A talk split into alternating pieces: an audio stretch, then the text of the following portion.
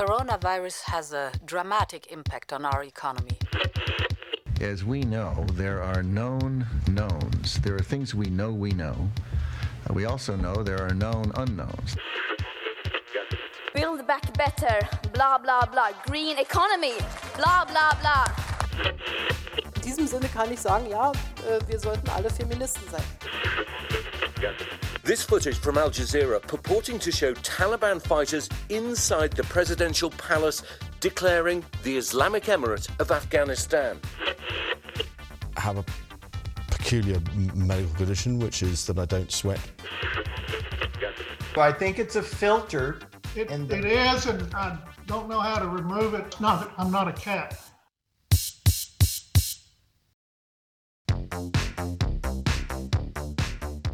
Þú ert að hlusta á heimskviður Í heimskviðum er fjallað um það sem gerist ekki á Íslandi. Ég heiti Birta Bjöstóttir. og ég heiti Guðmundur Björn Þorbjörnsson.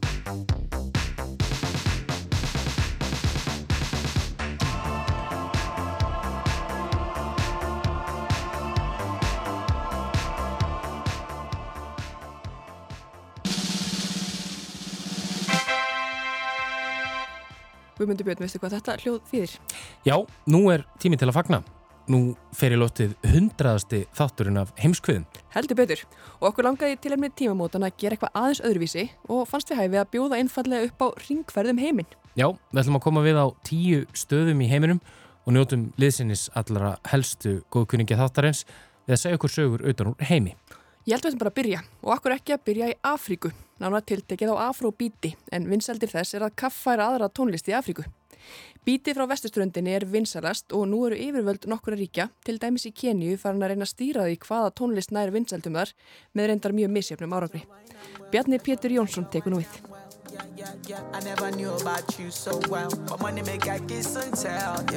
Tónlist sem er svo gott sem búið að fullkomna. Afrobeat frá Vestur Afríku hefur verið vinsælt víða um heim í marga áratvíi. Ræturnar eru í Nígeríu og þarlendir tónlistamenn hafa fullkomnað flæðið sem einkennir þessa tónlist og líka aðstæður og umhverfi til að fjöldaframlega þessa vöru svo hún seljist og fari sem víðast. Uh.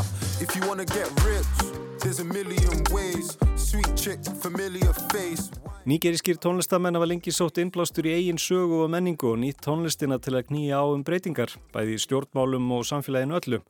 Þetta allt til viðbótar við bassataktin sem öllu stýrir og ræður hefur komið tónlist Vestur Afríku á aðri stall.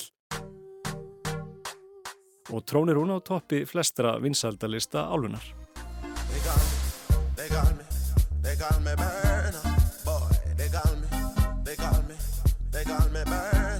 boy. Þessar vinsældir hafa þau áhrif að minni spámenn komast síður að. Tónlist frá Keníu er að drukna í erlendum tónum orðið sjálfgeft að þarlendir tónlistamenn tróni lengi á toppi vinsaldalista. Yfirvöld settu fyrir nokkrum árum kvóta á útastöðarnar. Minst 40% af tónlistinni sem þær spiluðu yrði að vera innlend, en þessu fara fáir eftir. Nú er krafa um hærra hlutfall, alltaf 75%, en allstaðar ómar vestur afríski takturinn.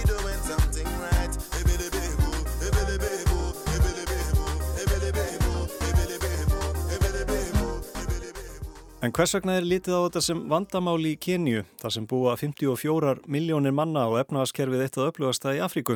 Þar er millistjettina stækka hratt og eftirspurnað aukast eftir alls konar aftreyingu.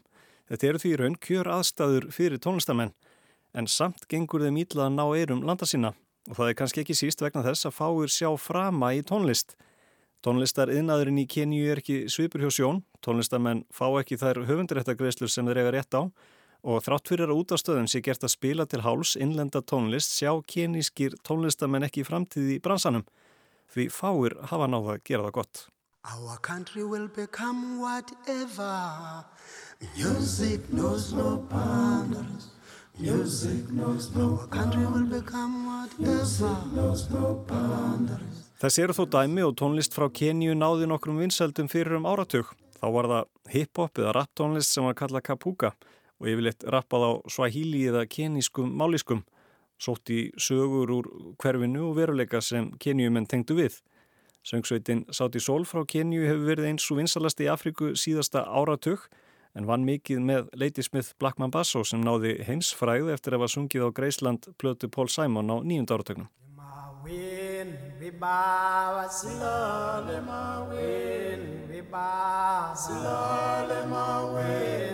we bow slowly, my win, we bow slowly, my win, we bow slowly, my win, we bow slowly, my win. En síðan hafa örfáir kynískir tónlistamenn náð miklum vinsældum utan landsteinana og hvað þá alþjóðlega.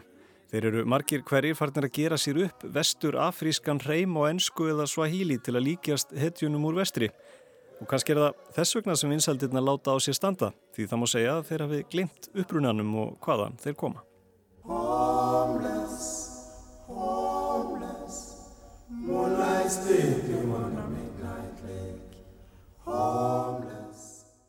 Og frá Afriku höldum við til Noregs. Á Norðurlöndum eru afsagnir ráþæra nokkuð tíðar og það fyrir öllu minni sakir en tíðkast til dæmis á Íslandi.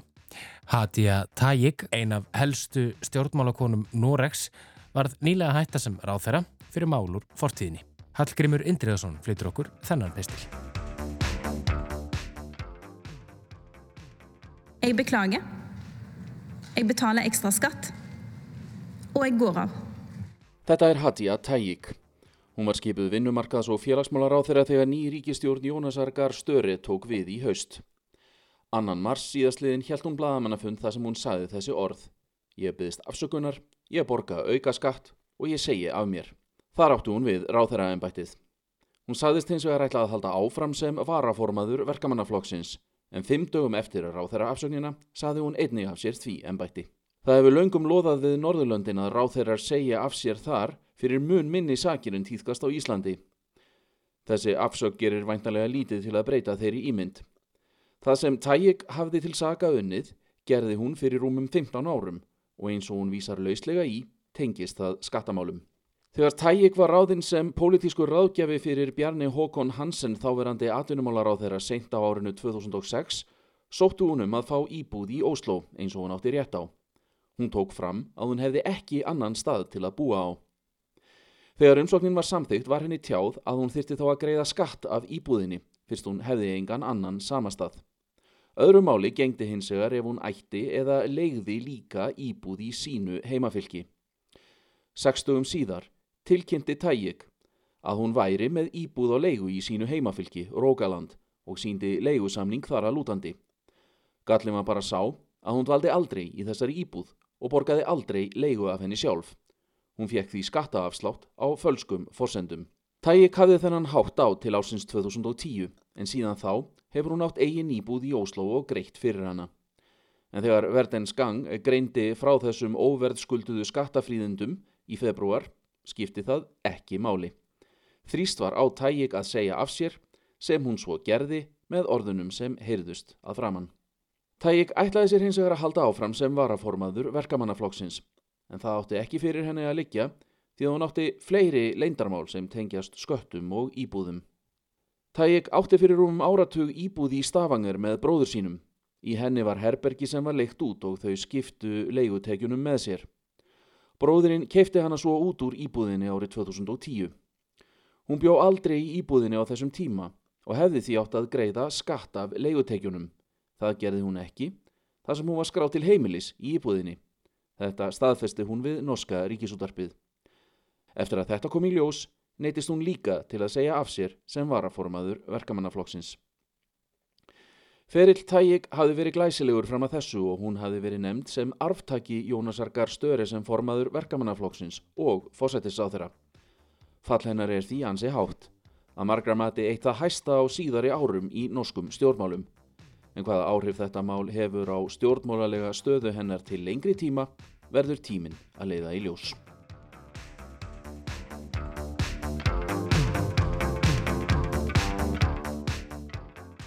Og þá förum við til mið Östurlanda, nánar tiltekki til Palestínu. Ólöf Ragnarstóttir segir okkur nú sögum manns sem var nær dauða en lífi eftir að hafa ekkert borðað mánuðum saman. Það gerði henni mótmæreskinni gegn því að vera ítrekkað haldið á bakvið lás og slá án dóms eða ákeru.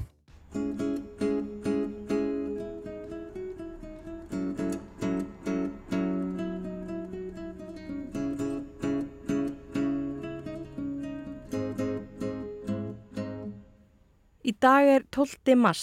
Hugsaðu þér ef þú myndir neyta þér um allan mat þar til 30. og 1. júli. Það er einmitt 141 dagur, jafnlangur tími og Hisham Abu Hawass var í hungurverkvalli í Ísraelsku fangelsi. Hisham er ferstugur, fimmbarna fadir sem býr í palestinsku borginni Dúra, suðvestur af Hebrón á vesturbakkanum. Um miðjanótt, þann 27. oktober 2020, réðust Ísraelskir hermenn inn á heimilans og handókan. Það var ekki í fyrsta sinn sem hann var færður á bakvið lás og slá. Ísraelska leinithjónustan fullir þeirra hann sé stór hættulegur einstaklingur með tengsl við vígasamtökin Islamic Jihad. Þó hafa aldrei komið fram neinn sönnunagögnum það. Það sem Hisham var settur í kallast Administrative Detention, það er líkt og gæsluvarðhald. Yfirvöld geta sett einstaklinga í varðhald áður en réttarhöld fara fram og dómur fellur. Þetta er fyrirbyggjandi aðgerð gegn einstaklingum sem eru líklegir til þess að bróta af sér og hana hafa Ísraelsk yfirvöld notað óspart gegn palestínumönnum. Oft fá hvorki fangarnir nýja fjölskyldur þeirra að vita hvað þeim er gefið að sög og er þeim stundum haldið í fangelsi án dóms eða ákjæru, mánuðum eða jafnvel árum saman. Talið er að um 500 palestínumenn, konur og börn séu í þessum sporum akkurat á þessari stundu.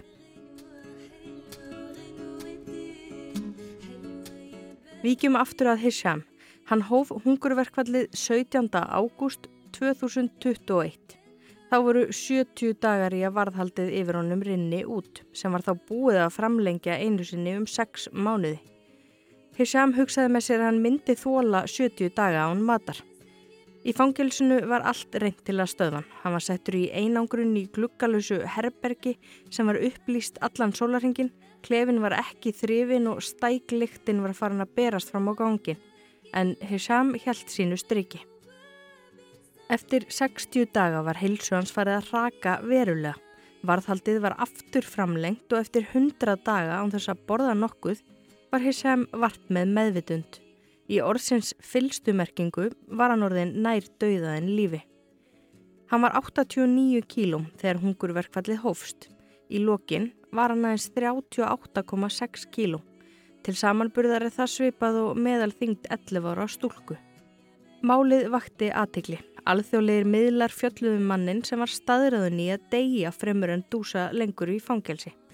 Palestínumenn á vesturbakkanum og Gaza fyldust grant með blásið var til samstöðu fundað viða. Svo fóra lokum að Ísraelsk yfirvöld ákvaðu að sleppa Hisham af óta við óeirðir ef allt fær á vestaveg. Þegar Hisham hefði fengið staðfestingu á að honum yrði sleft hættan í hungurverkfallinu og 24. februar var hann loksins frjáls. Læknar segja þeir eftir að taka hann um eitt og hálft ára ná sér að fullu. Nú er hann um 60 kíló á erfitt með að tala, sofa og ganga og allur matur sem hann borðar er mældur vandlega ofan í hann. En gæti hann hugsa sér að ganga í gegnum þetta aftur? Ef ég verð handtekinn aftur án þess að fara fyrir rétt, þá fer ég aftur í hungurverkvall.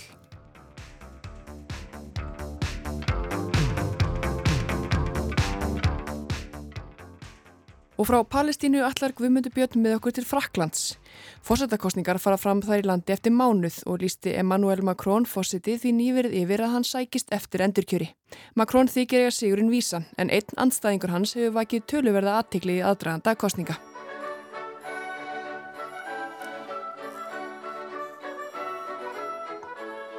Hann er brúðbúinn og getur ekki varist vandraðlegu glotti. Sigri Rósandi þó er hann gengur inn í hátíðasalinn á verðandi heimkinnum sínum Elíse höllinni við Fáburg Saint-Honor götu í 8. hverfi Parísar.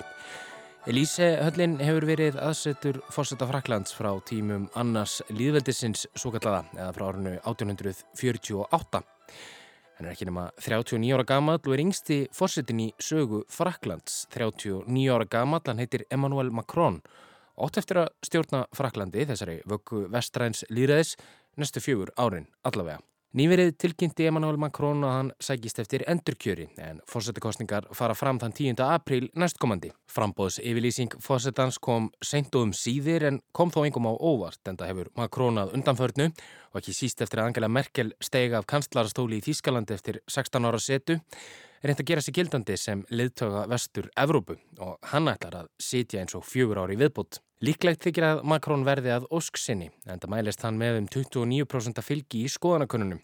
En samkeppnin er þó til staðar, Valérie Pécresse úr rauðum miðju hæriflokksins Le Républicain mælist með 12% fylgi og Marie Le Pen sem mætti Macron í síðarumferð kostningana fyrir fjórum árum mælist með 17% fylgi. En einn frambjöðandi umfram aðra hefur ekki mikla aðtikli í aðdraðanda kostningana og nei, það er ekki Marie Le Pen heldur óvendur aðili af hærivægnum Erik nokkur Semúr. Semúr þessi er fættur árið 1958 ár þekktastur fyrir pislaskrif sín og fyrir að stjórna daglegum sjómanstætti á sjómanstöðinni C-News. Hann tilkynnti um frambóðsitt til fósetta í lok november á síðast ári og stopnaði í byrjun desember sinn eigin stjórnmálaflokk. Það fikir svipa til Marie Le Pen hvað var þar skoðanir sínar á innflytjendum en er þó enn herskári. Torfi Túlinius, profesor við Háskóla Íslands, hefur fylst vel með aðdraðanda frönsku fórsettakostningana.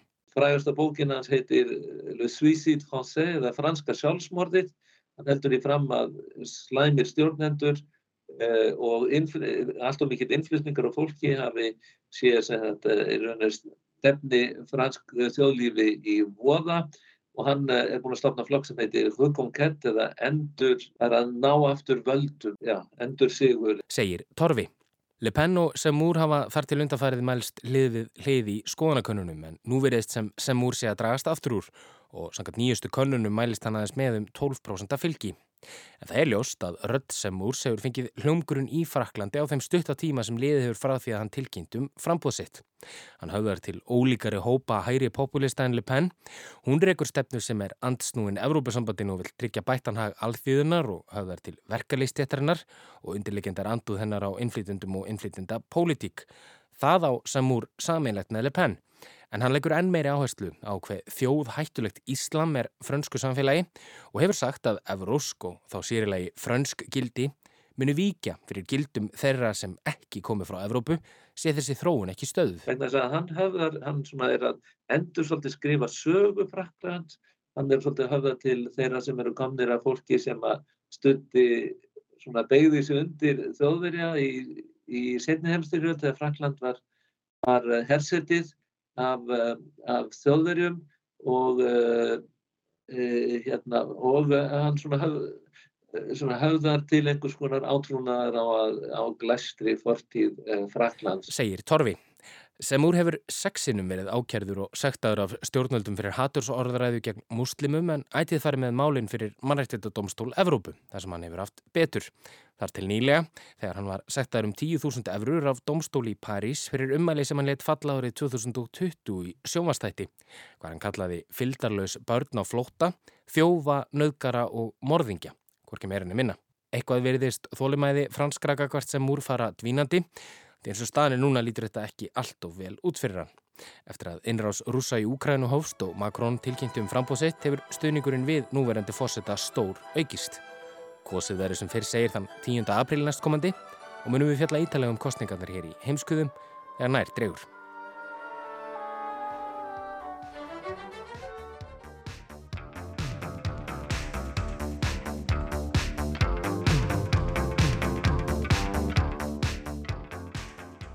Í Arugam flóa við strendur Sri Lanka hafa brimbretti áriðið óvænt tól í kvenreitindabaratu þar í landi.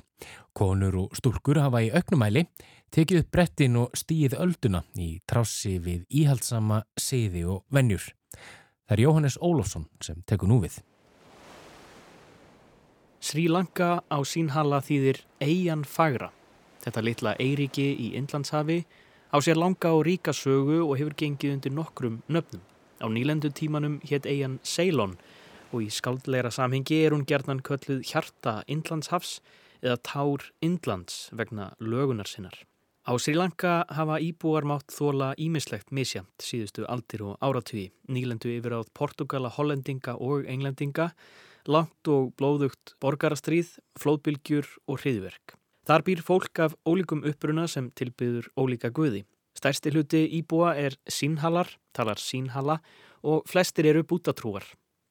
Þá er líka fjöldi Tamila, þjóðarbrot sem er aðalega í norður og austur hluta Sýrlanka, en tegi sér líka yfir til söðuróta Indlands. Þau tala tamílsku og eru aðalega hindúar. Samfélagsgerðin á Sýrlanka er bísna íhaldsum. Það hefur hinn 34 ára Shamali Sanjaya upplifað á eigin skinni. Og nú í setni tíð hefur henni tekist að koma af stað hreyfingu sem veriðist verið að breyta því til hins betra. Sanjaya ólst upp í litlu sjávarplási á austurströnd eigunar sem ung stelpa satt hún oft daglánt á ströndinni og fyldist með af öfund þegar að fadir hennar og bróðir ásamt öðrum karlmönnum Þorpsins hlöpu út í öldurótið með brimbretti undir hönd. Innst inni hafði hún viljað gera einmitt þetta en brimbrettin voru ekki í bóði fyrir srílanskar konur. Það var litið hortnöga að konur tækju þátt í þessari íþrótt sem og öðrum sem almennt teljast til dagradvalar Karla. Konur ætti að vera heima að sinna börnunum. Undan langri strönd Arugam Flóa er eitt besti brimbretta staður á Sri Lanka og afar vinsælt útivistarsvæði bæði fyrir heimamenn og ferðamenn. Þar hefur Shamali Sanjaya frá árunni 2018 kvart konur til þessa stunda brimbretti. Hún kom á fót fyrsta brimbrettaklúpi landsins sem engungu er skipaður konum, Arugam Bay Girls Surf Club, brimbrettaklúpur stúlna við Arugamflóa. Tilurð klúpsins á sér langan aðdraganda og hefur nú komið af stað brimbretta byltingu sem hefur teikt sig til fleiri svæða eigunar. Sanjaya mætti miklu mótlæti Karla vegna þessa strax frá upphafi eins og búast mátti við. Bróðurinnar var sérstaklega ósáttur við nýja áhugamál sýstur sinnar og sagði það ekki vera hluti af menningunni að konur legðu stund á brimbretti. Til þess að forðast deilur við bróður sinn laumaðist Sanjaya reglulega á bretti þegar hún vissi að hann væri hverki næri. Hún trúði því statt og stöðugt að hún hefði fundið vettvang til þess að hvetja konur til dáða. Ástæður þess að konur á Sri Lanka hafa tekið Sanjayu til fyrirmyndar og sótt æg meira í brimbretta yðkununa eru margar og ólíkar en aðal ástæðan er að það er valdeflandi. Þetta skapi nýtt rými fyrir konur, brjóti niður múra samfélagsins og séum leið atvinnuskapandi. Brimbrettin eru fyrir þeim tákn um að íhaldsamari ángar samfélagsins sé á undanhaldi og þetta getur verið upphafið að breyttum tímum. Það hafi sínt sig, segir Sanjaya, að á þeim fjórum árum sem brimbrettaklúpur hennar hefur verið starfandi hefur gaggríni eiginmanna bræðra og frænda brimbrettakvennana við Arugamflóa sem og víðar horfið inn í öldurútið.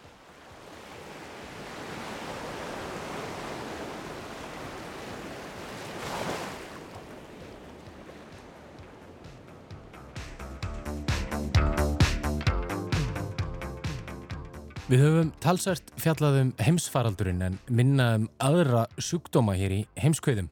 Alnæmi var á nýjunda áratugnum ein helsta ógnin þegar smítsjúkdómar voru annarsvegar. Fáum hefur tekist betur að stemma stigu við útbreyslu HVF verunar og áströlum. Þangað er ferðinni heitið næst og það er Byrta sem fer með okkur þangað.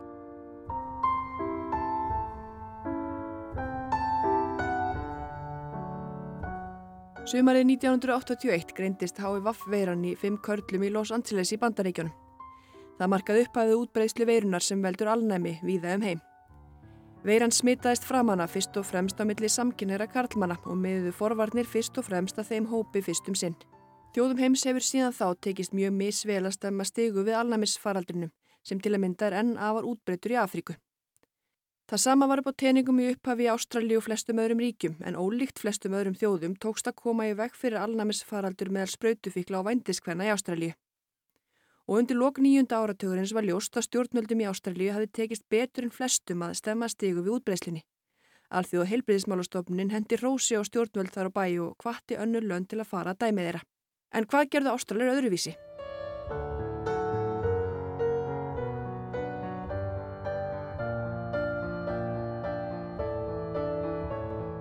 Þeir grætuðu þetta aðeins á staðsetningunni.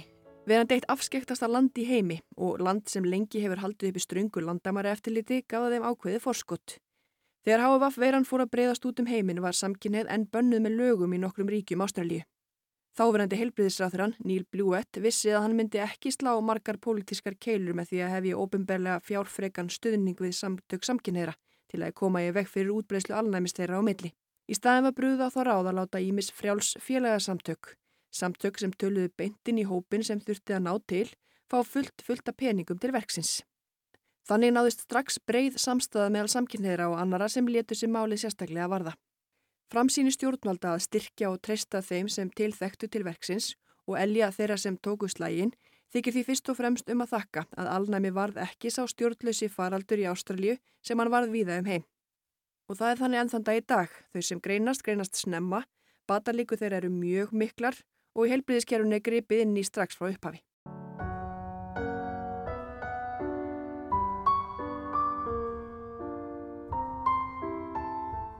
Það stýttist nú í að 40 ár verði liðin frá því að fyrsta HIV smiti greindist í Ástralju. Í fyrra greindust 633 með veiruna í Ástralju og hafa ekki verið færri á einu árið síðan árið 1984. Þó einhver telli fækkun smita mega meðal hann að skrifa á samkómudagmarkanir vegna COVID er fækkurinn í takt við þróunina undan færin ár. Í nýju Suður Veils sem er fjölumennasta ríki Ástralju er stemt að því að HIV smit heyri sögunni til frá og með árinu 2030.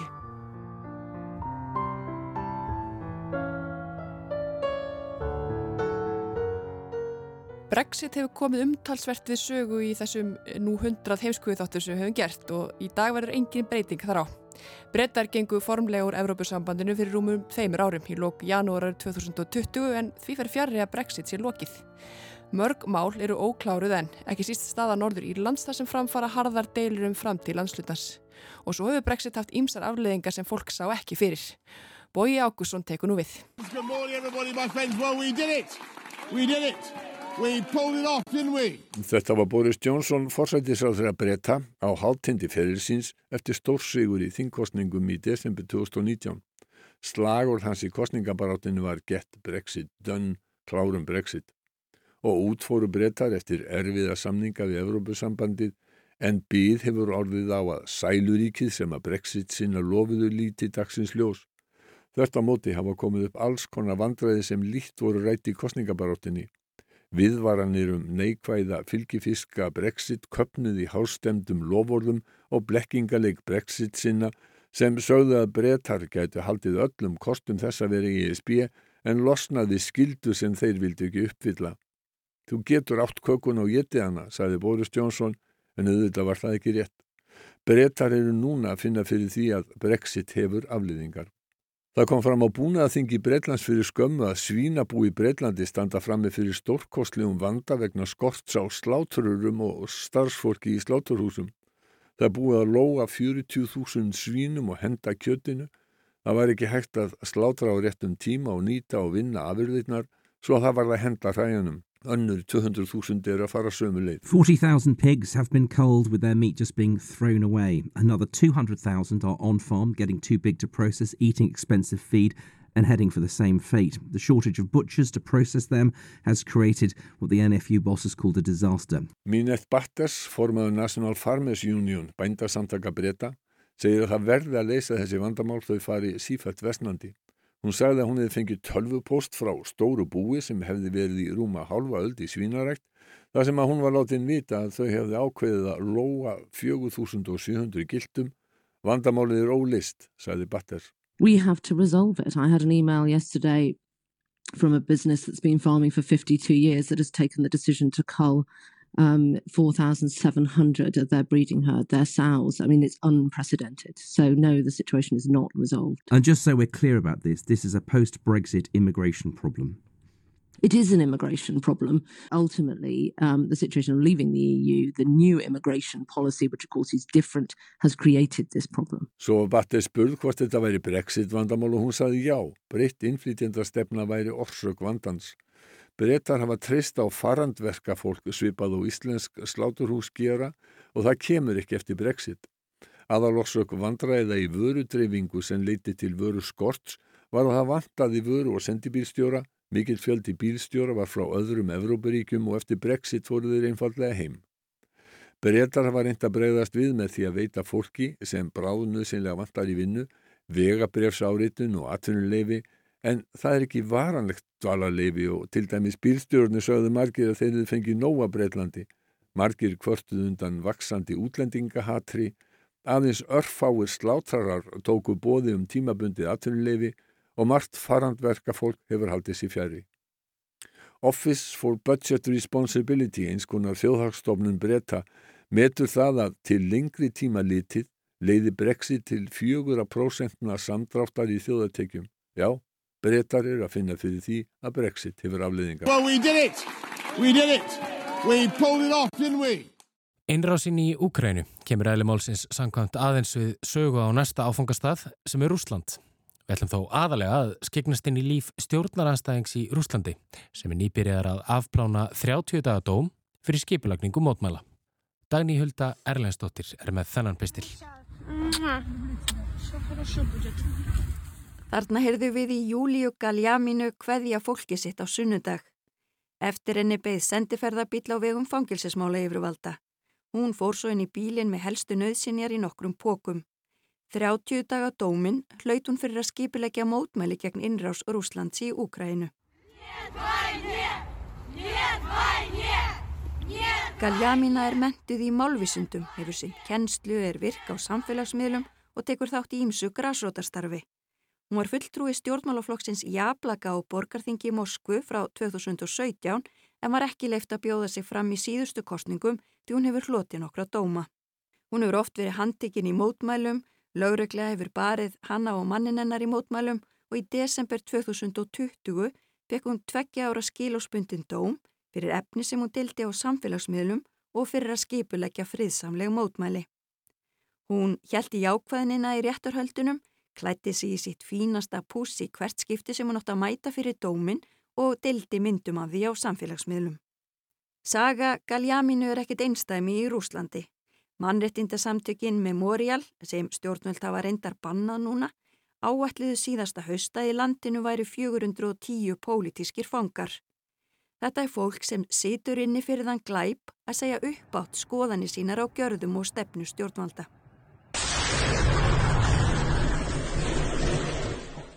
Rússar réðust inn í Úkrænu fyrir rúmum tveimur vikum, þar geisa stríð og linnulösar árásir á almenna borgara. Fjölmarki rússar eru alfarið á móti grimdarverkunum. Í Rústlandi má þó ekki nota þessi orð, innrás, árás eða stríð um hryllingin í Úkrænu. Stjórnvöld þar segja þetta vera sérstakar hernaðar aðgerðir.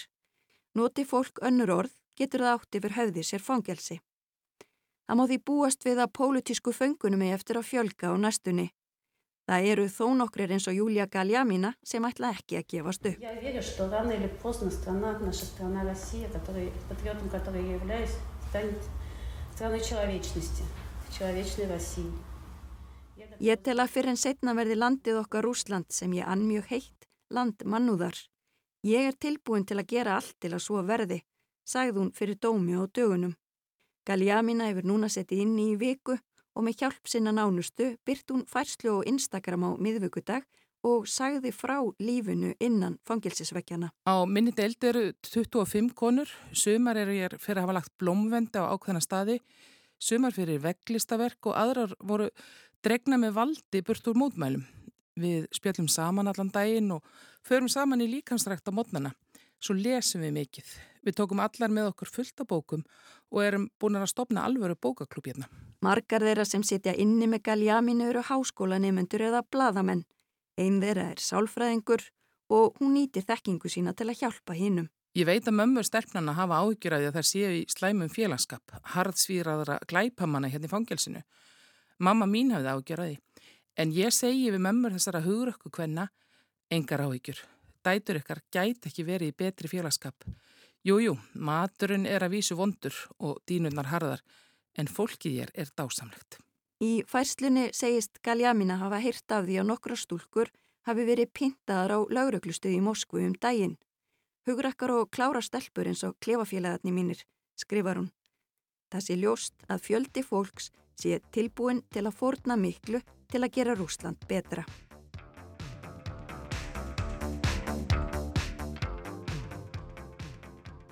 Og frá Rúslandi höldum við til Bandaríkjana. Í vikunni hófust réttarhöld yfir fjórum bandarískumönnum sem eru sagaður um áformum valdarán í Michigan ríki. Saksóknarar segja mennina sömuleiðis hafa lagt á ráðinum að ræna ríkistjórunum Gretchen Whitmer. Og nei, menninir heita ekki Kasper, Jesper og Jónatan. Birta, teku nú við. Í júni árið 2020 var haldinn afar óformlegur fundur í Ohio í Bandaríkjunum. Þar voru saman komin skoðanasískinni, fólk sem var afar andsnúði sóttvarna aðgerðum stjórnvalda, ríkistjóra og annara. Undiraldan á fundinum var að það þyrti að gera eitthvað, eitthvað yrði til bræðs að taka. Við þessa frelsiskerðingu yrði ekki unnað. Nú var svo sem hér talar ekki stötu á þessum fundi og þau sem það voru hafa ekki vilja greina frá niðurstöðum fundarnins í miklum smáatriðum. Þau gætu hins vegar neðist til þess á næstunni því í vikunni hófust réttarhöldi við fjórum mönnum í þessum hópi.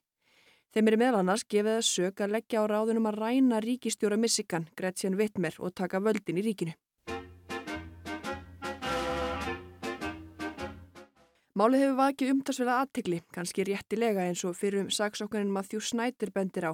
Það gerist blessunlega ekki ofta að fólk er kært fyrir áformum að ræna ríkistjóra. How often does somebody get charged for attempting or uh, conspiring to kidnap a governor? It just doesn't happen. So because of that significance, it's a huge case. Verjendur mannana fjögur að halda því til streitu að fátt sér fjari sanni að þeirra vatla að ræna Whitmer. Þeirra við sannlega verið á öndverðu meði en hún á pólitíska sviðinu og verið mótfallnir mótmælum hennar gegn þáverandi fósettanum Donald Trump. Þau sem sækja máli byggja hins vegar á rannsók bandarísku alríkislauruglunar FBI sem fylgdust með ferðum og gjörðum félagana um nokkura mánada skeið, símtölum og skilabóðum þeirra á milli, bílferðum að heimili Whitmer, skotæfingum út í skógi og annaði þeim dúr. Sprengingar brúa voru sömulegis á stefnusgráni hjá félagunum með fyrirhugaða valdaránstilunni í ríkinu í huga, segja saksóknarar. Og nú er búið að velja hviðdóm og réttarhöldina hefjast. Það verður vantilega fyllt grant með gangi mála, en það áhugavert að velta fyrir sér spurningunni hvenar ætla maður að ræna mannesku og hvenar ætla maður ekki að gera það.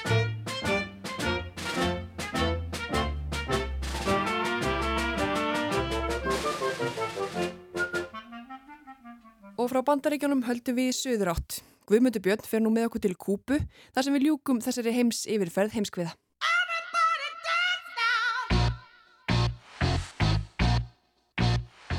Við erum stödd á Hotel Playuelas á ströndinni Cayo Guillermo, lítill eigu á Sardins del Rey eigaklassanum á norður hluta Kúpu. Tónlistin dunar og hótelgestir taka undir í söng og dansi. En eitt tákn er hér öðrum yfirstarkara. Það er einn litríki regnbói sem er yfir og allt um kring. Skildi kannski engan undra en það heitir hótelið Regnbóga hótelið. En það opnaði á nýjan leiki í desember síðastlinum. Í raun hefur þetta hótel nær aldrei verið opið en það hóf starfsemi sína 2019 og var gert að loka snemma ás 2020 þegar heimsfaraldur kórunveru reyði yfir heiminn. En þótt saga þessa hótels ná ekki fyrir naftur til ásins 2019 er hún nokkuð merkileg. Eins og nafnið gefur til kynna fagnar hótelið fjölbreytileikarum og er því sérstaklega ætlað hins einn gestum. Það er það fyrsta og eina sinna tegundar á eiginni Kúpu, eigi sem telur heilar 11 miljón sálir. Það er nefnilega svo að réttindi hins einn fólks verðast á hraðri uppleið á Kúpu, eiginni Fögru sem hefur verið undir harðri fáminnisstjórn kommunista í rúm 60 ár. En það hefur ekki alltaf verið svo. Á fyrstu árum kommunistastjórnar Fidel Castro var samkynniðum gert að sækja svo kallar endurmentunarbúðir þar sem þau aflærðu kynvillu sína og voru gert að snúa til betri vegar, til vegar gagkinneiðar. En á síðust árum hefur orðið breyting þar á. Árið 2018 samþýtti kúpverska þjóðarráðið að heimilega samkynja hjónabönd. Sú heimild var dreyin til baka ári síðar en í septembri í fyrra ákvað ríkistjórnin svo að leggja fram nýtt lagafrumvarp, svo kallað fjölskyldu frumvarp og verður það lagt fyrir þjóðaráðið til samþyktar. Verði það samþykt mun það svo fari þjóðaratkvæðagreyslu það hvaður áum að hjónabönd fólks af samankyni verði heimilið. Þá er ólöglegt á kúpu að mismuna fólki á grundvelli kynneðar þess eða kyngerfi. Það sem er einna merkilegast við opnun regnbóðarhótelsins á Cayo Guillermo er svo staðrænt að það er samvinnuverkefni millir hótelkeðunar Mutu Hotels og ferðamannaráðs kúpverska hersins. Já, þið heyrðu rétt, kúpverska hersins sem eru auðvitað starfræktur undir kúpverskum stjórnvöldum.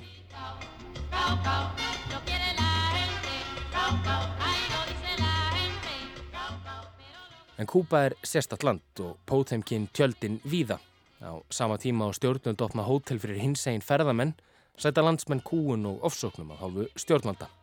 Það er vissulega gömul saga á ný. Kúpa hefur verið undir stjórn kommunistaflokksins frá því Fidel Castro, Che Guevara og Camilo Cienfuegos og fleiri baróttumenn steiftu einræðisherranum Fulgencio Batista af stóli í byrjun árs 1959. Frá 1965 hefur svo kommunistaflokkurinn farið með einræðistjórn í landinu. Castro sjálfur steg til liðar af helsufass ástæðum 2008 og lest þremur árum síðar. Við stjórnartöminum tók bróðir hans Raúl. Árið 2019 tók svo Miguel Díaz-Canel við af Raúl Castro sem fórseti Kúbu og sem aðalreitari kommunistaflokksins á síðast ári. En í stjórnartíð Miguel Díaz-Canel hafa ótrúlegustu hlutir gerst á Kúbu, hlutir sem hefðu þótt ósennilegir í stjórnartíð Castro-bræðra. Og nei, ég er ekki að tala um aukin réttindi hins einn fólks, heldur viðtæk og hávar mótmæli fótum tróðunar alþýðunar. Fólks sem vil lifa við það líðræðis fyrirkomulag sem er fest í sessi í hennum vestræna heimi og er orðið langþreytt á kúunar tilbyrðum stjórnvalda. Mótmælin hófust í júli á síðast ári þegar almenningur þursti út á götur til að vekja aðtekli á matar og livjaskorti í landinu. Þau dreifðu svo úr sér út um allt land og stóðu fram í miðjan november á þessu ári. Yfir 400 mótmælendur voru handtekinn. Út um allan heim hefur fólk sínt kúpverskum almenningi stuðning meðal annars hér á Íslandi og þá hafa mannreitenda samtök fordæmt á hörku sem stjórnvöld hafa beitt við að kveða mótmælendur í kútin. Höfum því í huga, hlustendur góðir, að meðan dansinn dunar á regnbóahótelinu á Cayo Guillermo og íslenskar samfélagsmiðlastjórnur fylla Instagram-reikningana sína af myndum af túristaströndin í Varadero eru miljónir kúpverja enn undir hæl valdbóðsstjórnar þar sem flokksræði ríkir og stjórnarandsta er bönnuð. Hvort mótmanna alltaf síðasta ás segi eftir að skila einhverju og líðræðis umbætur verði á kúpu verður að teljast óleiklegt. En atbyrðinir gefa þó tilefni til bjart síni.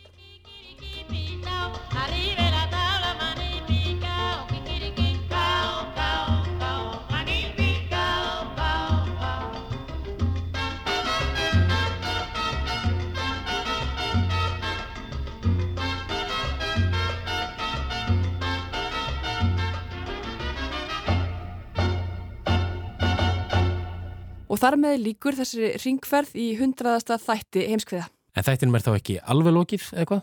Nei, við týndum saman smá brot úr öllum hinum 99 þáttorum. Takk fyrir að hlusta og heyrust aftur í næstu viku.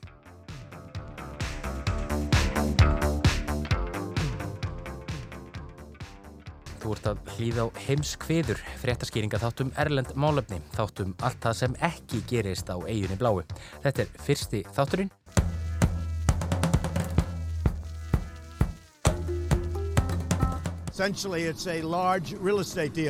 Ástandinu í Sýrlandi hefur einmitt verið líst sem helvíti á jörð. Eða þá að ganga um miðborg Hebrón á Vesturbakkanum og verða vitni að mjög römmum deilum. Mr. Smith, calm yourself, man. Calm yourself. Take notice of the man beside you.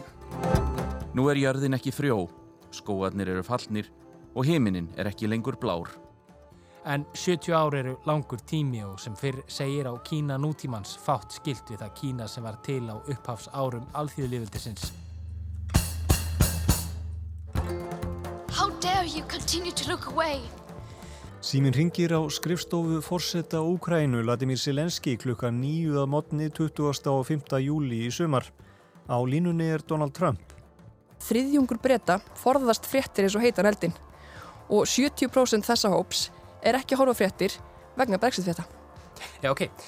En, en við ætlum sem sagt að fjalla aðeins um brexit í næstu viku.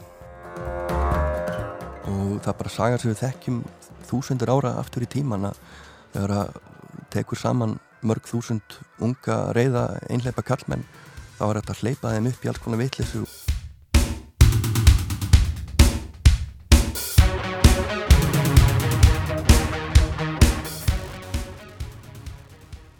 Einu sinni fyrir langa löngu, nánar tiltekið árið 1926, fættist í Mayfair í Lundunum prinsessa sem fekk nafnið Elisabeth Alexandra Mary Windsor. I never have really. Um, uh, I was single for quite a long time. Sem sagt, jú, jú, hann var einhleipur og allt það um tíma, en aldrei mikill partíkall. Og það væri reynd bara, já, ógerningur að, að fara yfir fórsetta tíð Donalds Trump í heimskuðum og þess að teppa bara hreinlega alla línulega dagskrá rása reitt fram á mitt næsta ár og það er ekki ætlurinn hér. Nei, við ætlum ekki að gera það. Ekki þessu sinni allavega. Mér finnst þetta að vera laungu komið gott og ég veit að sumir harðari Simpsons aðdandur eru þau bara gladir. Fyrir ekki svo löngu hefði það talist með ólíkindum að sjálf Aung San Suu Kyi stæði í réttarsal alþjóðadómstólsins í hag. Svo mikil tíðindi þótti það þegar samkómulag tókstum endurist heimastjórnarinnar á Norður Írlandi að breska ríkisútvarpið hóf aðal fréttatíma sinn á þeirri frétt ekki fréttum af Harry Prince og Meghan Markle. Allar unga stúlkur dreymdum að verða prinsessur og hún fekk það, sagði Tómas Markle, fadir Meghan og sjálfskeipaður sérfræðingur í vilja ungra stúlkna. Bilið í bandarísku samfélagi er alltaf að lengjast á milli republikana og demokrata. 70 miljónir og 800 þúsund manns. Það er um 200 sinnum allur fjöldi íbúa á Íslandi.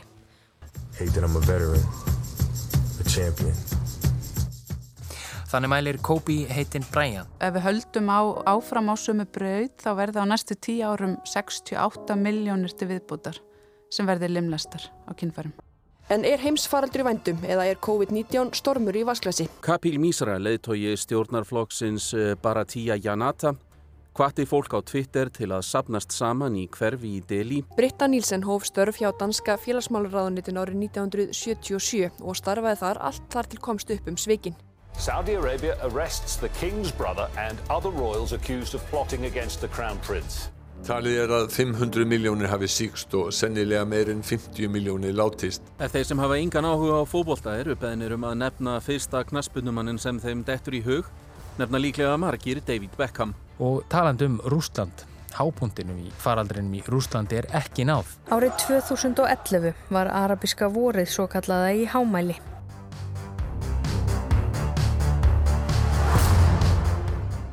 Nýrþáttur, nýjar frettir af koronaviru faraldrinum? Já, það verður ekki hjá því komist. Borgarastyrjöldin á, á Spáni var svo mikill vendipunktur fyrir félagið og, og stöðu þess innan Katalóniu. Jæja, kæru hlustendur, við byrtaði erum hér uh, að hittast í fyrsta sinni í tvo mánuði. Já, það er rúmlega mér sér. Við varum komið svolítið leið að taka þessa kynningur upp í síma, þannig að við stöndum inn undir húsvegg með næstu tvo metra með okkar. Skíðabærin Ískil í austurísku Ölpunum er nú eins og draugabær, rúmum tveimur mánuðum eftir hann var settur í sótkví vegna koronavirunar. Jafnvel í norðurfylgjunum þar sem að þrælahand var löngu afnæmið þá er þessi mismunum hefur hún eh, verið landlæg.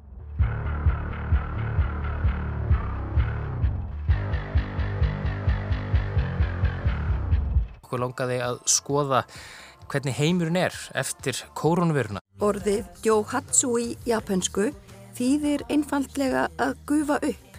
Hann segir líklegt að Biden, Sigri og demokrater nái meiri hluta í öldungadeildinni. It is extremely close. Svona frá 2002 þá fer svona að bera á hegðun sem að kannski var í algjöru ósamlega við þessa ímynd sem að hún hafði selt heiminn.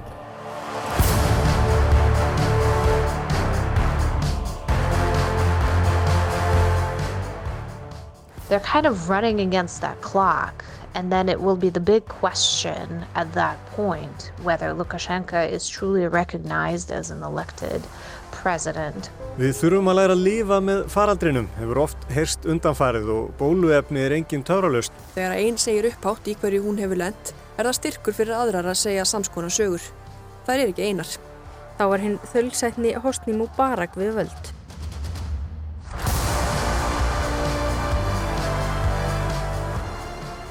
I'm not here to call out his lies. Everybody knows he's a liar. But you I just want to make sure. Joe, you're the I, liar. I, I, I want to make sure. Graduated last in your class, not first in your I- class. Já, ítökin eru mikil og hafa hugsanlega valdið 20 ára þögn um loftslagsmál í kappræðum Vestanhafs. Good morning, this is Elizabeth. Hi Elizabeth, can you hear me?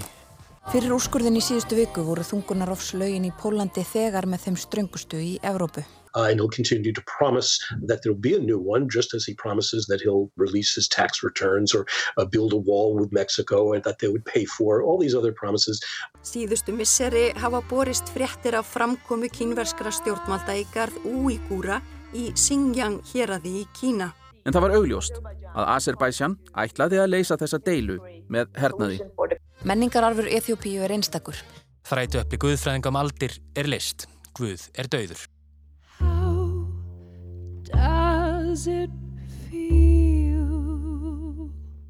Stærsta hitamálið í Danmörku undanfarin mánuð eða svo hefur án Eva verið stóra mingamálið.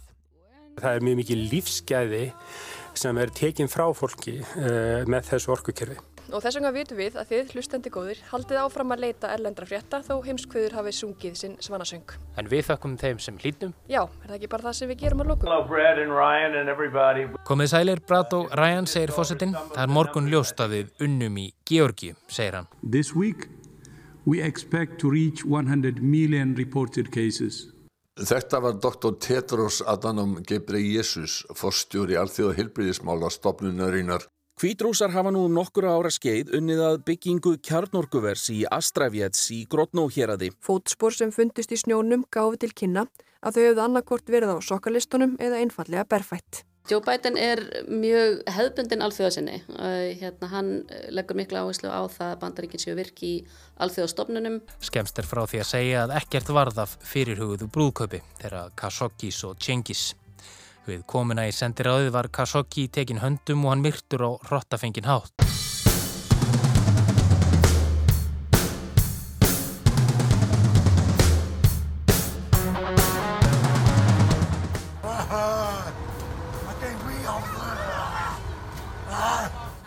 Nei, þetta er ekki einn vondur og einn góður og, og, og þú veist að velja hverjum þú ætlar að halda með. Já, og þetta skip, Evergiven, er engin smá smíð. Það er eins og fjórir fótballtafillir að lengt. Þetta er gráa peysan sem hann klættist á órámögnuðum tónleikum Nirvana á MTV sjónvastuðinni um ári áður Nandó.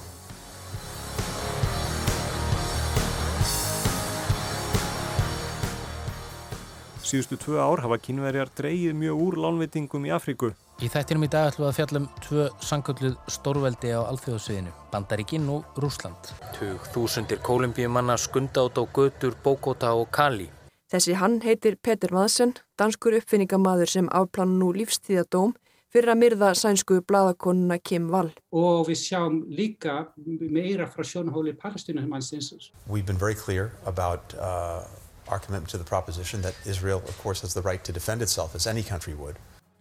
Eins og margir vitað þá hefur bandaríski herin ákveðið að draga herlið sitt til baka frá Afganistan eftir 20 ára veru í landinu. Ég ætla ekki að fara út í þetta minka fíaskó hér en heildarkostnæðurinn við að farga þessum loðnu greiðum er talin vera á sjötta miljard íslenskra króna. Ríkistjórn Gubo tók þetta og meðal annar hans sérstaklega og setja inn í hans vasa. Elisabeth Holmes hefur orðið góðsögn í lifanda lífi. Hmm, I wrote this book because I was really angry. Það er ekki beint daglegt brauð að bandaríkja herr bóði til bladamannafundar og viðurkenni meistök sem þessi. Þessu umfyllun er unnin með þá full vissu í hjarta að Elisabeth, sem er sem kunnugt er alls ekki einu sinni komin á eftirlaun, eigi eftir fjölda ára í lífi og starfi. Það er huglumenn að koma inn á til mín. You are a journalist? No. Eh. No journalism. Já, verður það ekki að segjast að þetta er ansi skrítin rauksamdafæsla? Jú, það er ljóst að bandaríkistjón sækir mjög fasta því að fá Assans framseldan. Eins og hún hefur verið gaggrít fyrir þá um, hefur hún ekki breytt neitt miklu.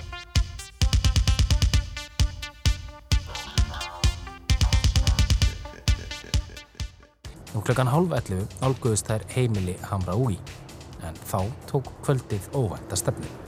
Hundruðir stuðningsmanna Donalds Trump bruttu sér leiðin í þinghúsið þar sem þau freistuðu þess að koma í veg fyrir að öldungadeildin staðfesti kjör Joe Bidens til bandarækjafórseta. Og þúsundir fylgdust með, margir hverjir með serbneska fánan á lofti.